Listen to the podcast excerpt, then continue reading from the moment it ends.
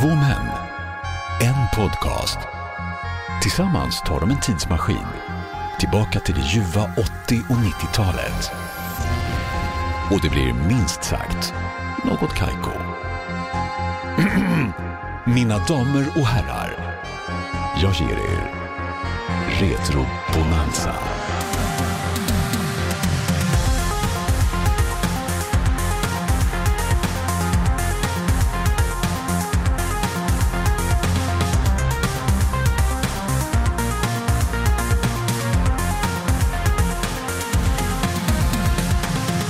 Hjärtligt välkomna ska ni vara till vår nostalgiska vinterspecial som vi har döpt till Retro Bonanza.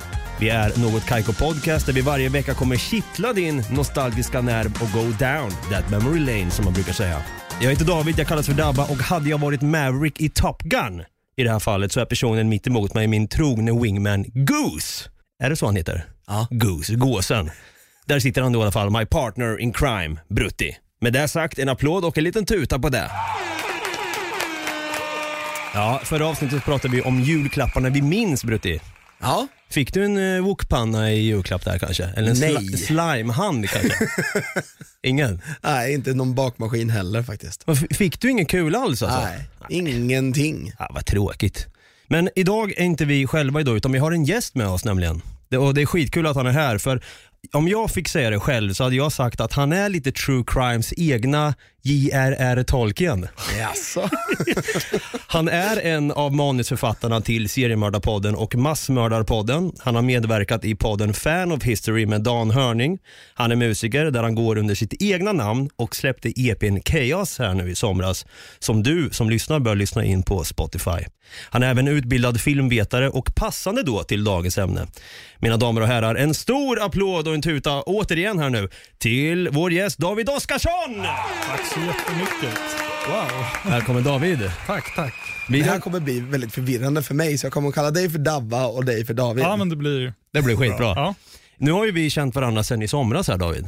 yes. Eh, I samband med då, du hade ju skrivit eh, lite manus till Dan där och eh, ja, hur kom du in i den vevan om jag får fråga lite fort där, hur det kom till att skriva manus till true crime? Jag skriver ju en del manus tillsammans med min lilla syster Emelie Oskarsson. Och eh, hon har alltid varit väldigt engagerad i och intresserad av true crime. Och i och med att Dan Hörning startade Seriemördarpodden så blev de lite som nätkompisar och pratade och sådär. Och efter att den podden hade varit igång några månader så kände Dan att det skulle vara nice om fler personer kunde skriva manus till den här podden, för det är ganska stort arbete. Och så började han eh, gå ut med information om eh, till, till lyssnare, liksom, att vill ni skriva så får ni gärna göra det. Slida in i min DM sa Ja. Dan. Liksom. Och så var, berättade min syster någon dag liksom att jag eh, eh, funderar på att skriva ett manus till Mm. Seriemördarpodden och då sa jag, åh vad roligt, kan inte jag få vara med? Och så skrev vi två stycken avsnitt om Dennis Nielsen tillsammans. Och på den Ah, vägen jag kollade faktiskt på en dokumentär om honom Ah. igår. All right, det var det Ja. första vi skrev. What? Det var den här engelsmannen som ehm, nekrofil Mm. och, och pedofil skulle man nästan kunna, eftersom alla var väl ganska unga vad jag fattade som 14-15 år. Var det, no- Första var det någon var som var så ung? 13, första, första offret var 13 år. Åh fan, det kommer jag inte ens själv ihåg. Men jag vet att det var Nej 14, tonårs- 14 var. Ja. mm. Låter som en riktig svärmorsdröm det där alltså. Fy fan, vilken sjuk jävel. Det luktade tydligen skit i hans eh, Ja. hem också. Såklart det gjorde. Och när, han, när polisen kom dit så var han bara, ja, jag har mördat folk, här är de, och Mm. du kan gräva i trädgården. Helt lugn. Vilket jävla psyk. Ja, han gjorde ju sig av med kropparna pö om pö. Mm. För han ville ju gärna umgås med dem, sova tillsammans med dem och Ja, allt vad det var för han något. tog hand om och tvättade dem. Ja, och, visst. eh, Helt, Vilket psycho alltså. Klädde dem i egna kläder sådär ibland och de satt och kollade på TV tillsammans Ja. och grejer. ja, och det, anledningen till att de eh, tog honom var ju för att han spolade ner vissa Ja. kroppsdelar i toan. Så det var stopp i hans toa och då, liksom, då kom de till honom och Nej. bara hittade kroppsdelar i, under hans, Fy fan i hans alltså. avlopp. Liksom. Yes. Där Helt försvann, galet. försvann min aptit för tre dagar fram här kan jag säga. Men det här med, med true crime då. Mm. Eh, har du alltid haft ett intresse för true crime? Det kan jag inte påstå, men jag har väl alltid varit intresserad av allt möjligt. Och jag menar, det som jag ganska insåg snabbt när jag började komma in i det här, att man vad man än är intresserad av så kan man få sitt lysmäte i true crime. Liksom, för det är historia, det är kultur, det är allt möjligt. Det är ett så brett ämne på något vis. Kan det ha varit det som, för i vilken ordning har det egentligen gått här nu? Du är manusförfattare till, till Seriemördarpodden och, och många andra poddar här. Eh, men du är också utbildad filmvetare. Jajamän. Vad har man att förvänta sig där? Vad är det man får lära sig egentligen? Ja, när man börjar grundkursen så är det väldigt mycket basic-grejer kring vad är film? Hur fungerar det? Men det är då teoretiskt. Jag menar inte så att man får lära sig hur en gammal filmkamera fungerar i praktiken, utan man pratar om det så då. Liksom. Men även hur filmer är uppbyggda, hur de är klippta, hur ljussättningen i dem ser ut, eh, hur ett ljudspår fungerar, kan fungera och sen så är det såklart hela filmhistorien från 1895 fram till idag som man går igenom. Det är så pass till och med? Holy crap. Och sen så är det ju sådana här akademiska favoritperspektiv som finns på många andra utbildningar. De finns även på eh, filmvetenskapen, så det är en del postkolonialism till exempel, som man även får läsa på litteraturvetenskapen. Och det är även en del feminism också.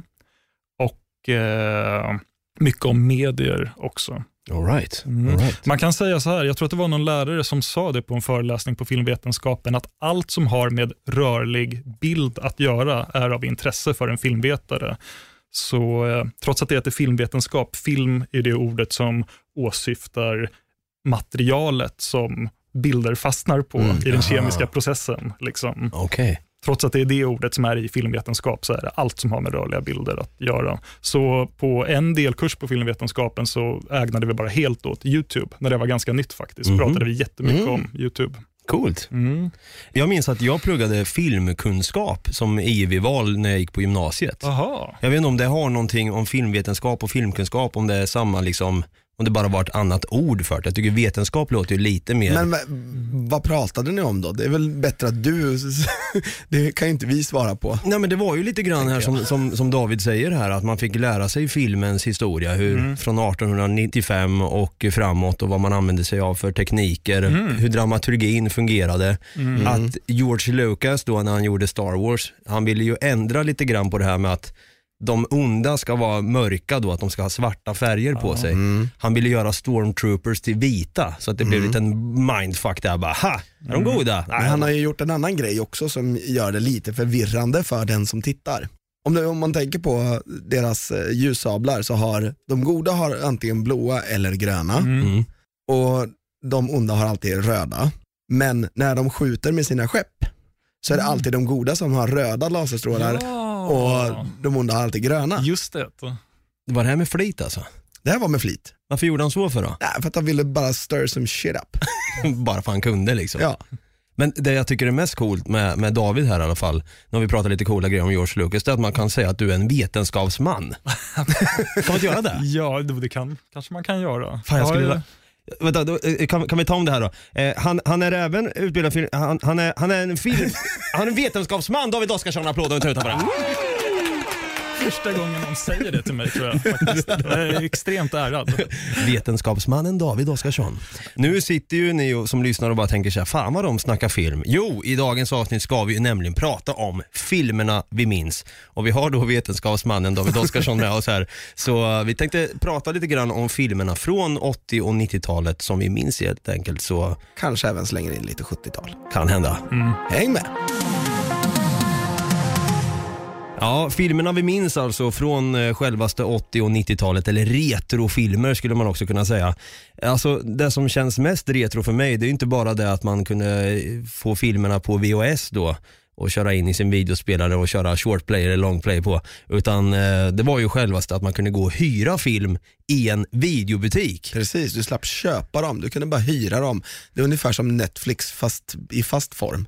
Men det var väl så Netflix började va? Ja, fast det var ju med DVD, Ja just det, alright. tror jag. Eller ja, det kanske började så jävla tidigt som VHS. Det här ska ju du veta Brutte, vi har ju fått in massa lyssnarmail här att de blir, de blir besvikna när Brutte inte kan saker.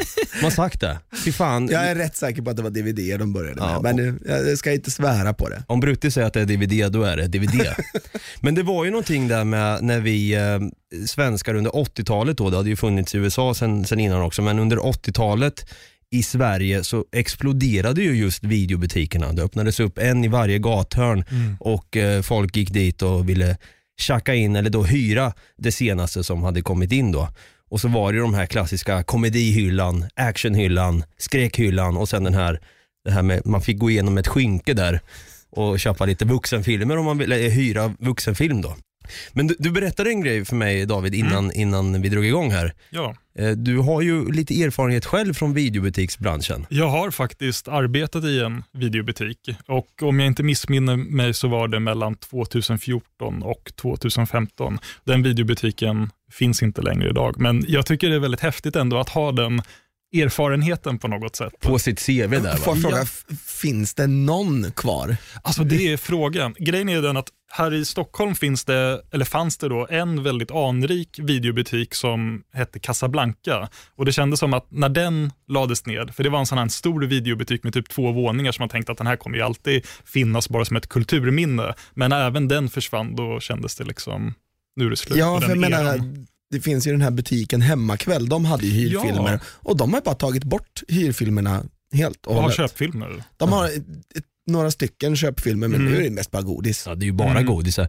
Det var ju, man gick ju till hemmakväll när man ville kolla på de här eh, olika DVD Collector Edition av olika liksom, säsonger av serier eller så. Mm. En Band of Brothers box i, i, Platinum liksom vill man kanske ha hemma. Plåt var det nog Plåt. Nej men alltså det fanns ju coola grejer där. i platen. På Platinum säger jag bara för att låta lite cool. Så. Den här kostar 11 000 kronor. Exakt. Och texten är även i 24 karats guld där också Ja. får du ha hem. Liksom. med diamanter i 18 karat. Exakt. Nej, men det var ju något coolt med videobutikerna, men vad, vad var det, utan att kanske gå in för personligt då, men de människorna som kom in då och, och Mm. hyrde film av dig så Ja. sent, vad var det för typ av människor då? Alltså det är ju så fascinerande. Det kändes nästan lite som att vara i en Wes Anderson-film eller något när man arbetade där, för alla, de flesta av kunderna var riktiga karaktärer. Sen ska man säga att den här videobutiken var också ett DHL-ombud, så det var väldigt många som kom dit också bara för att de ville ha sin post. Mm. Men dagtid, innan eh, folk kom när de hade slutat jobbet och sånt, då kom det en hel del personer som jag tror är sådana som alltid har haft för vana att gå till videobutiken. Och det är en vana som inte har gått ur så lätt. Liksom. Nej. Det var många gamla gubbar. det, var, det var det? Ja. Som, som tänkte så här, det var, nog, det var bättre förr när man kunde gå in och hyra en film och gå hem och lämna tillbaka den dagen efter. Det fanns en farbror som ofta var inne, i alla fall två, tre gånger i veckan. Sådär. Han kom alltid till butiken i röd sportbil. Jag har dålig koll på bilar, men det var en ganska flashig röd bil. Och eftersom alla som hyr filmer där är registrerade som kunder så kunde jag ju ganska lätt se hur gammal den här mannen var. Mhm. Och han var nog närmare 85 eller något sånt där. Och så filmintresserad. Och, och Det var så häftigt. Det var liksom inte bara det att, att han skulle ha det nyaste alla gånger, och sånt där, utan han gillade allt. Ja. En sån gammal man som kommer i sin röda sportbil ja. och hyr massa filmer. Fan vad hä- alltså, Riktigt intressant. Jag hade en sån lärare på gymnasiet som var så, fast med musik. Ah, Så han, han spenderade hela sin lärarlön på att köpa skivor. Det spelar ingen roll vad det var. Alltså, han hade en större metalsamling än vad jag någonsin Mm. haft. han har lyssnat på alla skivor minst en gång. ja. Bara lyssnat igenom det, ah, det var inget bra. Mm. Nej, okej. Men det här med, med liksom att man kunde då fysiskt gå till en butik och hyra film. Det är ju någonting som har legat mig varmt om hjärtat som jag har stora barndomsminnen om än idag. Samma här. Det var ju skithäftigt när man liksom på en fredag, man kanske frågade morsan bara, mamma får, kan vi hyra en film idag? Och så åkte man dit på en fredag, man, man, skolan var, var klar för länge sedan, man kunde släppa det. Man hade, man, det var ju en väldigt ångestfri period generellt, så fan, allt var ju bara kul. Fan vad skönt var att vara barn. Men sen kom man in där i butiken och man hade ju, ofta så köpte man ju inte godiset i, i butiken utan det hade man gjort innan eller efter. Ja, i en, i en godiskiosk. Ja, Exakt. Men man stod ju alltid där, man visste ju typ vart alla filmer var, för man hade ju gått förbi dem flera gånger och tänkt så här: den ska jag hyra nästa gång. Den med Jim Carrey ska jag ta, eller den och den och den. Och sen kunde man ha, de hade ju ofta så här specialpriser på hyr tre, betala Ja. för två eller vad det kunde vara. Mm. Och så fick man hyra dem, var det typ två dagar eller 24 timmar eller hur gick det till? Ja, ofta var det väl 24 timmar om du hyrde en, men om du hyrde tre, så här, tre för två, Mm. då var det väl oftast tre dagar. Mm. Ja, Vad jag minns i alla fall. man kan pressa en om dagen där liksom. Exakt. Jag kan säga så här att när, vi, när jag jobbade i videobutik, vi tog, alltså alla lämnade in sina filmer för sent, även de mest trogna kunderna och vi tog aldrig avgift på det. Liksom. För det var inte det var ju liksom inte så hett att man kunde göra det. Liksom. det gäller att vara så schysst och trevlig mot de kunderna som faktiskt fanns. Ja, liksom. men det var lite goodwill liksom. ja verkligen. Jag kan tänka mig att det är lite samma vibe på bibliotek idag. Liksom, att nu när folk konsumerar e-böcker och ljudböcker så, liksom, att de bara, äh, fan, det går Mm. väl bra, du lämnade in Devisesten fyra dagar för sent, men vem fan, eller ett halvår Ja. för sent. Jag bryr mig inte egentligen. Nej, precis. Jag jobbar bara här. Sen fanns det ju vissa kunder som var så goda att de insisterade på att få betala liksom, Ja. avgiften för att det var försenat. Men, Wet ja. ska vara wet, säger man då. Liksom. Exakt. Det som var så sjukt var att jag har ju lärt mig alla filmomslag i huvudet. Det var många filmer som jag minns än idag, liksom, när man går in på IMDB då, som är förkortningen för Internet Movie Database. Ja, där jag brut, Brutti har koll på alla förkortningar som finns. Nej, men, så det har ju blivit att man, man kan alla, alla liksom filmomslag i huvudet när man går in på Internet Movie Database, då, IMDB. Jag minns ju, minns ni den här filmen, jag behöver inte gå in så mycket på det här, men det var en man som var liksom korsfäst på en kvinnas trosor. Ja, ja, det är Larry Flint, Skandalernas man. Ja, ja. Det var liksom en kvinna då, eh, han, han var liksom på framsidan där på trosorna. Mm. Och jag tyckte att den var lite så här tilltalande för man var ju typ 11-12 år då och tänkte oj vad kan det här vara för film liksom. Ja. Men jag hyrde aldrig den, jag fick aldrig hyra den nämligen. eh, för det, Nej, jag förstår. den såg ju lite suspekt ut så liksom. Men har ni sett den filmen? Jag har tyvärr inte gjort det, men jag har hört att den Nej, är inte jag heller faktiskt. Ja, ja, kanske. Men alla de där omslagen har man i huvudet i alla fall. Mm. Ja. Jag känner igen mig i det där jättemycket, för det finns filmer som man tänker på som så självklara, även om man inte har sett dem, för att man har sett de där omslagen så många Ja. gånger. Och man minns eh, bilden, liksom, man minns titeln och sådär och kan säga det som ingenting. Men man har inte ens sett filmen. Liksom. Nej, precis.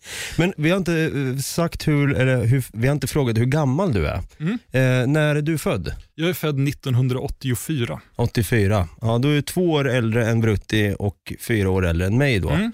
Eh, men fick du uppleva movieboxen, om det var något syskon eller någon, någon förälder där som... Det fick jag dessvärre inte. Jag har ju läst om eh, Movieboxen och jag kan berätta att jag för bara två år sedan pratade med en eh, kompis som är född samma år som jag. Och Hon berättade att när hon var liten, då gick hon och hennes familj och hyrde Moviebox. Fan, det var lite coolt. coolt. Att, men jag, Jag det har är bara aldrig, jag har aldrig hyrt en moviebox. Nej. Så jag har inte riktigt fått uppleva det heller. En moviebox för den som undrar, det är ju då en videobandspelare, en så kallad VHS, då, Video Home System, avsedd för hemmabruk som vanligen hyrdes utav videobutiker då.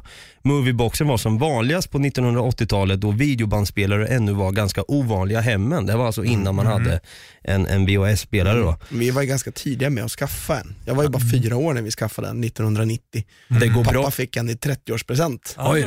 Det går bra nu för familjen Holmberg. Appa apparaterna här då, movieboxen, var konstruerade för enkel transport och inkoppling samt stryktålighet och avsedda för uppspelning av hyrfilmer.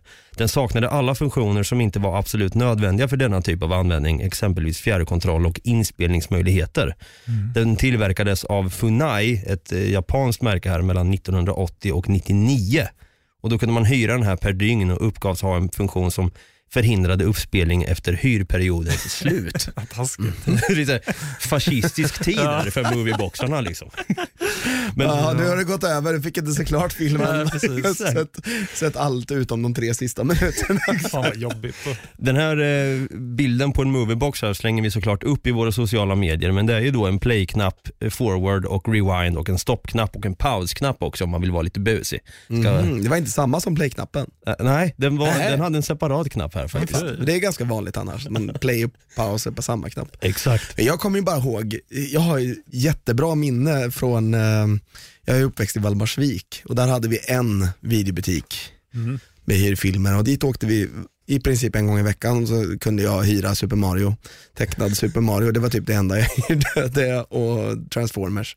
Ja, Men eh, han som ägde videobutiken var en ganska deprimerande typ. Eh, lite alkoholiserad, lite, ja, man tyckte, man kände att det var lite jobbigt. Han stank alltid lite grann, lite sprit.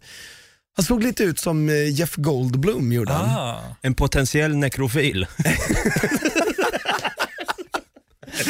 Nej men den här snubben i alla fall, jag vet att någon gång när vi kom dit och skulle, den här videobutiken var i två våningar, jag vet att någon gång vi skulle komma, vi åkte dit och skulle hyra film då, då gick inte det. Därför att på övervåningen så var det bara helt dött, det var ingen där. Och sen så pappa gick ner för trappen på nedervåningen, då låg han däckad med en flaska sprit i handen. Ah, shit. Men det var, det var så lite kufigt att, att driva en videobutik Ja. då. Jo men alltså i en sån liten håla som Valdemarsvik också. Det var, var så jävla klassiskt ändå. Ja. Ah, shit. Han hade den där videobutiken ganska länge, även efter det här. Så. Ja. Men alltså det kändes, han, när du beskriver det där, det känns det som en person som han, han levde och dog med den där jävla videobutiken. Det var som en förbannelse liksom. He lived Ja. and he died, Vid- video store liksom. Ja, men jag vet bara att jag, även som liten, bara, det ser ut som han i Jurassic Park. Men då var han lite så här mörkt hår, smal typ. Ja, lite krulligt hår Ja. och liksom lite samma ansiktsdrag till och med. Ja, okej. Det var till och med det, så att det var, han, han var ganska lik Jeff Goldblum. Häftigt. Vi lägger upp en bild på den potentiella Va- Valdemarsvik-snubben här som är lik Jeff Goldblum. Ja, vi Eller- lägger upp en bild på Jeff Goldblum. Okej okej då, det kanske är enklare så. Kanske enklare så, jag vet inte vad han heter. Eller hette, jag vet inte om han är i liv idag ens. Ja, videobutiksfilmer i all ära, hyrfilmer, man kunde då hyra tre för två, ha dem hemma i tre dagar, eh, njuta av dem helt enkelt. Många av dem här gick man ju förbi i hyllan där och kanske aldrig plockade upp för man var för ung eller för ointresserad då kanske men har sett dem på senare år. Men jag tänker, vi har så jävla mycket filmer som vi vill nämna i det här avsnittet som har format 80 och 90-talet så jag tänker det är dags att vi snackar lite film hörni. Ja, filmerna vi minns alltså här med David Oskarsson som gäst som är en utbildad filmvetare och enligt mig då en vetenskapsman. Enligt oss. Enligt oss. Enligt alla som lyssnar också här nu kan jag tänka mig. Det här med filmer på 80-talet, det har, de har ju en särskild nisch när det kommer till både skådespelare, vad själva plotten handlar om och eh, lite musik och så vidare. Men 80-talsfilmer för dig David, hur utspelar sig en klassisk 80-talsfilm? När jag tänker på de filmerna som är typiska för 80-talet så tänker jag på blockbusters. Man brukar väl säga att blockbusterfilmen fick sitt genombrott på 80-talet. Och eh, ja, men som du frågar, de- har ju ofta en särskild struktur. liksom. Ofta är de ju rena rama hjältesagor liksom, med bifigurer som vi känner igen. Och, Mm. Verkligen. Ja, alltså för mig är 80-talet, handlar 80-talet väldigt mycket om sci-fi. mm, Alltså väldigt mycket framtidsfilmer Ja. och alltså jag tänker liksom, eh, eh, vad heter den med Harrison Ford nu? Jag tappar namn, Blade Blade Runner. Runner. Mm. Och eh, Tron, eh, Tillbaka till framtiden. Jag tänker på de filmerna när jag tänker på Det, 80-talet. det är jävligt bra inringat faktiskt. Mm. Det var verkligen ett sci-fi decennium. Det jag kunde känna också med 80-talsfilmer, vi kan väl, vi, ska vi, några filmer som känns väldigt 80-tal för mig, de tillhör en särskild genre. Eh, så jag tänker Brutti att du kan få utbrista vilken genre det är så jag bara får komma in lite snyggt på det. Action! Precis, det är actionfilmer och jag tänker Med ä. Med ä. Action. Action. Och jag tänker ju då direkt i mitt huvud, de här topp tre, eller topp fyra kanske det är till och med. Det är ju Arnold Schwarzenegger, Sylvester Stallone, Bruce Willis. Bruce Willis. Ja. Har vi någon fjärde också bara för skoj? Jag tänker att det finns väl en trio som får stå för liksom de lite sämre actionfilmerna, om man nu får vara så fräck och säga så. Och Då har vi Dolph Lundgren, Ja. Jean-Claude Van Damme och Steven Seagal. Ja, Ja. verkligen. Där har vi dem med. Men det här med Arnold Schwarzenegger och Sylvester Stallone och eh, Bruce Willis också. Det var ju oftast de var poliser och gärna att det skulle vara lite så här. Fast jag vill säga att det finns en fjärde också, för Mel Gibson var ju väldigt inne, Ja, det är sant. Ja, det var han fan i mig. Icke att särskilt mot slutet av, eh, av 80-talet. Ja, Mm. och det var ju, det var ju om en, den, den gemensamma faktorn här är ju att det är ju män vi pratar om. Mm. Vilka, det var ju sällan, om jag får vara lite fördomsfull nu, det kändes ofta som att de här actionfilmerna oftast handlade om män. Oh ja. Kvinnorna då var oftast ovetande fruar. Som, för sexismen var ju lite skev på den Det var tiden. lite si och så med den. Det var verkligen si och så med den. Det var oftast en helt ovetande fru som inte har en aning om att hennes man är en ex-kommandosoldat som åker iväg en helg och säger att han ska på jobbresa. Men så går han runt där med två stycken MG42 i varsin näve och bara pepprar sönder liksom gerillatrupper i eh, Colombia liksom. Och så kommer han hem bara Hi honey I'm home, oh my god the kids have missed you, I miss you so much, Eh, the food is ready. Det var, det var ju verkligen den Ja. typen liksom. Ja, och så var det något dåligt skämt också. How was the work trip? Och så säger han någonting om eh, jag vet inte, I had to fire someone. Exakt så här. Får ett klipp till när han liksom står och tömmer magasinet i bakhuvudet på någon stackare som ligger ner på marken. Det, det här, men alltså det här känner jag, det här, det här då tänk, när du säger det här, då tänker jag lite mer på 70-talet med de här Grindhouse-filmerna som var skitstora då. Det här är ju filmer, Mycket alltså med, eh, vad heter han, Charles Bronson. Jag, jag har inte koll på de här Grindhouse-filmerna så bra. Nej. Va, va, jag, jag vet att Alltså Quentin- Grindhouse är ju väldigt överdrivna actionfilmer. Som är gjorda med en ganska dålig, liksom väldigt låg budget. Är genren Grindhouse? Eller, Ja, okej. Jag eh, Det är- älskar den genren. Jag Ja, skulle jag nog med. säga att det är en av de största för mig, rent utav. Det finns så mycket kul Men- att hämta där. det, alltså efter att ehm, Tarantino och Rodriguez gjorde de här uh, Death Proof och eh, Planet Terror. Planet Terror så kom det ju en liten våg när det var faktiskt Rodriguez själv eh, som, som började göra egna Grindhouse-filmer efter den, fick mer smak. Så han har Machete. gjort Machete 1 och 2 och sen så har du gjort den här, eh, den som inte, han inte har gjort, Hobo with a Shotgun. Just det. Just det. Vi klämmer in ett litet inslag här med Machete med Danny Trejo eh, som de gjorde på driv i den här serien då, Grindhouse, de här två filmerna som tillhörde Den varandra. trailern. Exakt. Where's my daughter and wife? Klämmer in den här rösten som var liksom lite ikonisk för action trailers då back in the days. They called him Machete. Set up, double crossed, and left for dead isn't you. Machete. Det här var något nytt för mig. Jag visste inte, jag hade ingen aning om att den här genren då kallades för grindhouse. Den, det finns ju flera ord för den. Alltså, någonting som jag, en term som jag ofta använder är ju exploitation, Ja. som rymmer in ganska mycket grejer.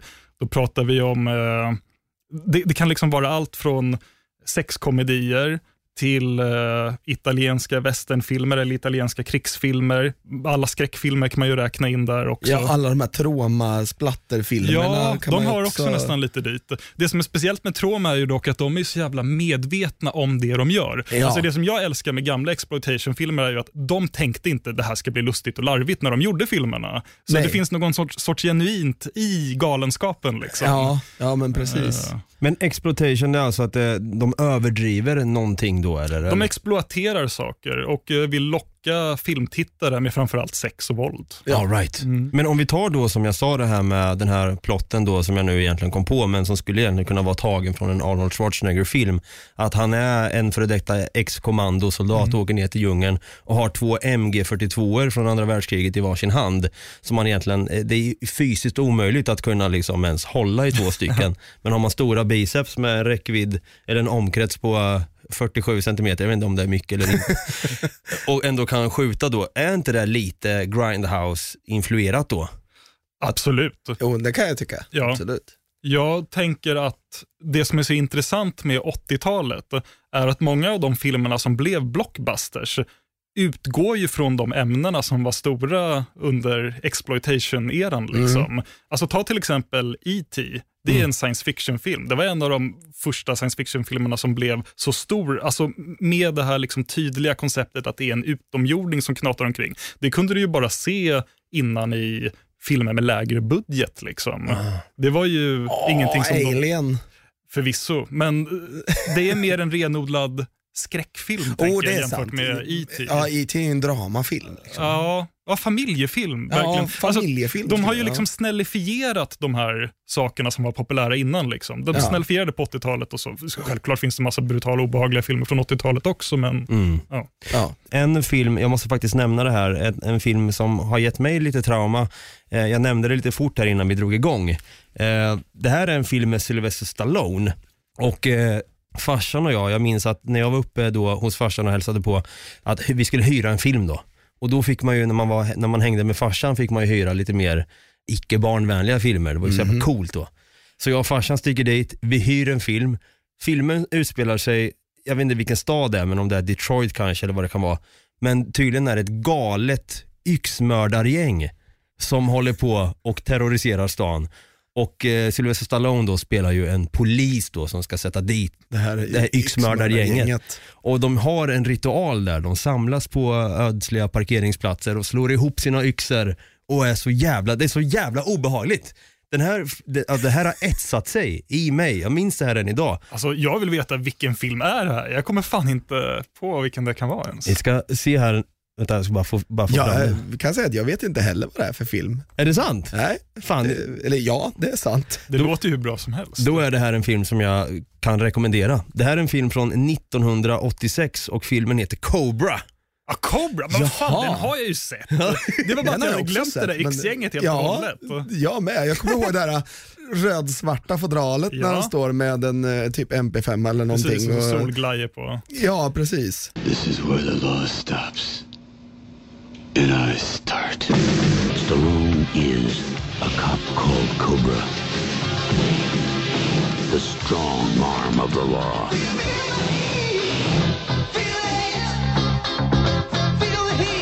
Och du då David som har skrivit en hel del manus till seriemördarpodden. Den här filmen handlar ju om en seriemördare då med namnet Night Slasher. Right. Eh, spelad av Brian Thompson. Han härjar i LA då och polisen ovetande är mördaren del av en sekt som vill införa en ny världsordning. Det är det där yxmördargänget jag pratade om då. Riktigt pinsamt att jag inte kommer ihåg det här. För det Ja, var säkert bara... jag med, för jag har ju sett filmen Ja. flera gånger dessutom. Jag, jag har nog bara sett den en gång, det, men det är fyra år sedan nu. All typ, right. Eller något. Kanske var jag som inte, om jag skulle börja med en seriemördare med namnet Night Slasher hade den kanske kopplat med en gång.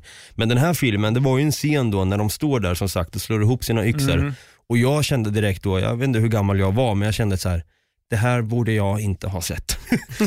Det tog några dygn för mig, alltså det, här följde efter mig som ett trauma typ. Fan. Men jag minns att jag har också sett en, en eh, actionfilm som, fick, som gav mig lite trauma. Mhm. Det var när jag såg Robocop första gången. Robocop, the future of law enforcement. Det var min, min bror och hans kompisar som skulle kolla på den och så ville jag vara med de stora grabbarna och vara lite häftig. Och en av dem, han var lite äldre, han, han är nog kanske ett par år äldre än min bror till och med. Som berättade då att du får inte se den här för de, hugger, de skjuter av ben och armar på killen. Liksom. Den var så grafisk. Ja, men den var jättegrafisk. Och Jag bara, men jo, det, jag, jag kommer inte få mardrömmar av det där. Låg typ en vecka med mardrömmar efter det där. Har du någon film David som du liksom, en, i actiongenren då, som du bara, fan det där var lite creepy. Ja, som jag nästan fått ett trauma av. Ja exakt. Det är ju lite att ta i och säga trauma men någonting man, som, man kommer ihåg då var jävligt otäckt för en.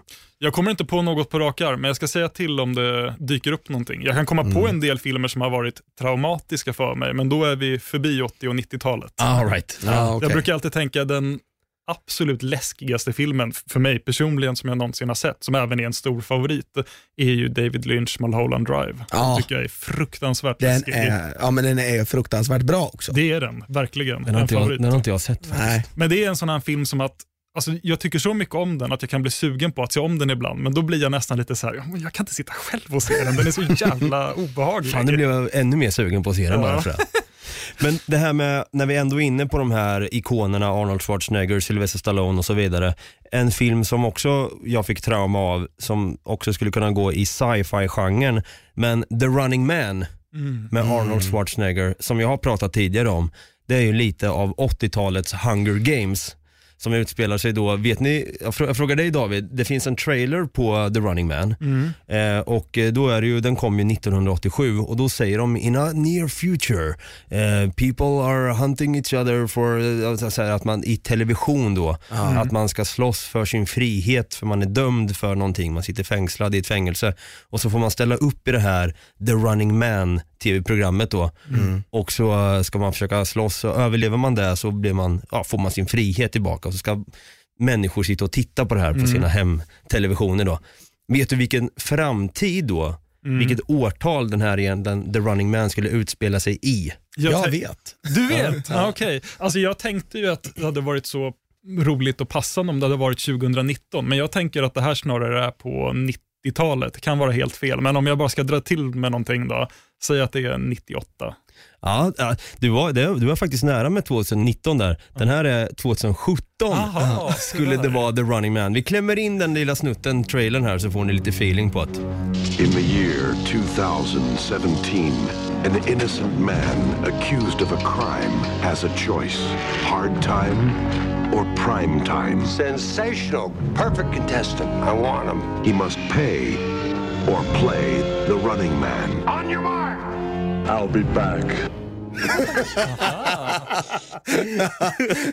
I'll be back. där har vi den klassiska I'll be back alltså. Men alltså, eh, en annan sak som jag tänker på, det är nästan mer 70-tal än 80-tal, men det finns, det var också en stor grej på 80-talet, det här med hårdhudade snutar. Det var ju stort som fan med Dirty Harry och det var liksom, alla de här, Tango and Cash var ju också en sån här film som var, och sen, jag vet inte om du, har du sett Assault on Precinct 13? Jajamän. det är John en av, mina absolut, ja, en av mina absoluta favoritfilmer. Den är jävligt bra. Fruktansvärt bra. Vad, vad är det för film då? Vad handlar den om? Den handlar om, jag vet inte om det är en polis eller om det är flera poliser, men det är i alla fall ett par kriminella också som ska försvara det här polishuset mot ett eh, street gang. Aha, alright. Man kan säga att den är en lös remake på Howard Hawks klassiska we- westernfilm Rio Bravo, som ju är en Ja. av John Carpenters favoritfilmer också. Alright. Får jag prova att nynna themet till Kör. Assault on Precinct 13? Dun, du, du, du, dun. Dun, du, du, du, dun. Dun, du, du, du, dun. Dun, du, du, du, dun. Klämmer in den här och ser om David Oskarsson har rätt här.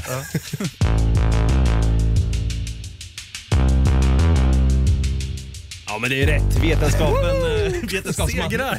segrar igen. Ja herregud. Det gjordes en, en remake på den här 2005 då med eh, Ethan Hawke och Lawrence Fishburne. Aha, du ser. Har du sett den? Nej, jag har Nej, inte inte sett jag heller. den. Det är ju någon sexappeal när det är en hårddankad jäkla snut som har sett mycket skit i sitt liv. Som gärna ska ha lite alkoholistproblem också. Ja. Och ha, han har förlorat sin fru för att han jobbar alldeles för mycket. Han har barn som han knappt får träffa, men ibland så. Väldigt mycket så här sådana filmer också där eh, det blir så här någon hämndgrej för att de har dödat dens fru. Det var något sexigt med poliserna där. Ja men det är ju, alltså vi pratar ju, alltså dödligt vapen är ju också en sån, Little Weapon är ju också en så här liksom en hårdhudad snut som bara går bananas egentligen. Han är ju väldigt så här suicidal. Men sen så har du ju eh, en annan som vi knappt har nämnt här, det är ju Bruce Willis i Die Hard alltså. Ja, det är ju en, alltså, På tal om julfilmer, Little Weapon är ju också en julfilm. ja, det, det är det. Ja, den börjar ju med att de eh, springer runt bland granar och Ja, i en granförsäljning. Men har vi någon koll på varför Die Hard har gått och blivit en, en Christmas movie? Varför då? Ja, den handlar ju om att de, de är ju på julfest i Nakatomi Plaza. Mhm. Aha. Det är därför. Men, och sen har det bara blivit en tradition att den visas vid, på julafton liksom. Visas den verkligen på julafton? Jag är inte vet- jag vet att den går- på att den går på tv. Den går ju upp på den här privatbiografen varje jul Ja. som är nyöppnad. Som, det är väl lite en grej att man kan gå och se den då. Ah, Så här års.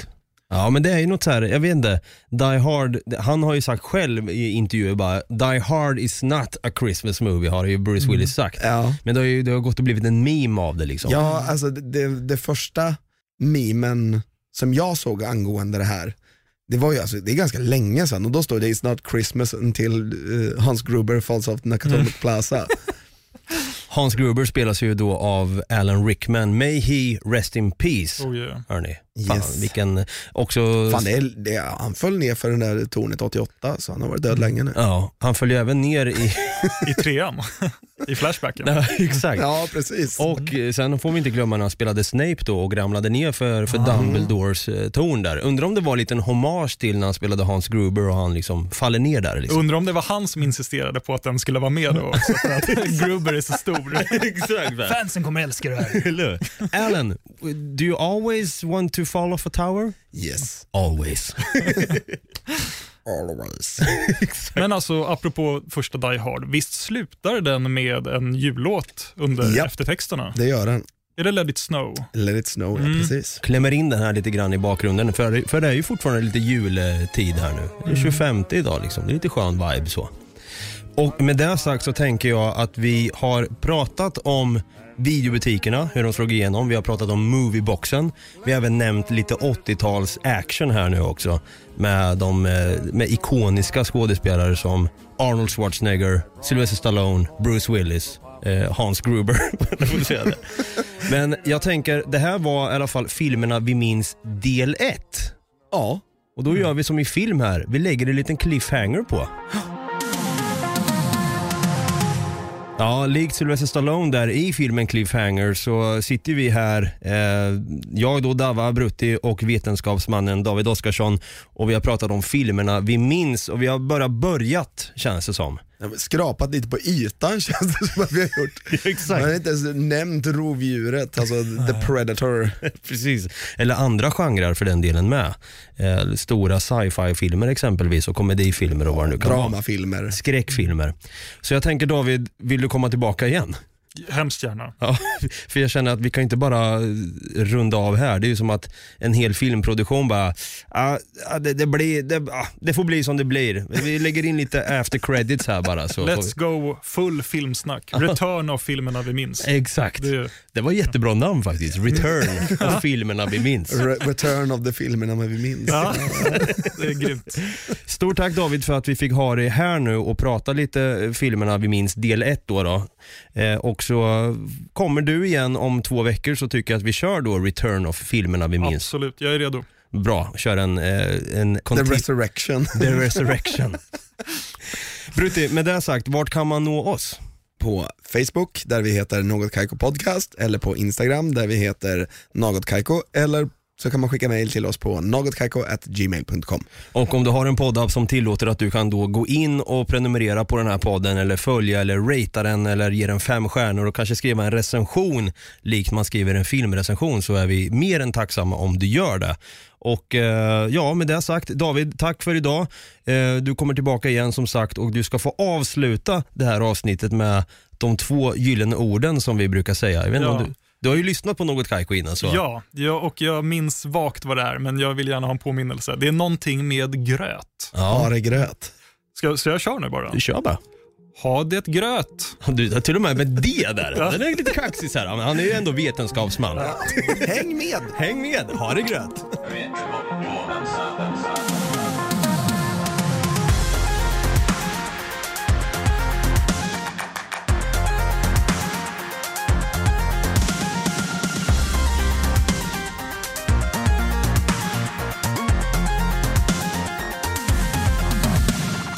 Produceras av I Like Radio. I Like Radio. Välkommen till Telenor röstbrevlåda. Hej lilla gumman. Det är pappa. Mamma sa att du hade ringt. Ring mig igen. Jag är hemma nu. Puss puss. För att repetera detta meddelande, tryck Spara samtalet när du förlorat den som ringde på telenor.se calls.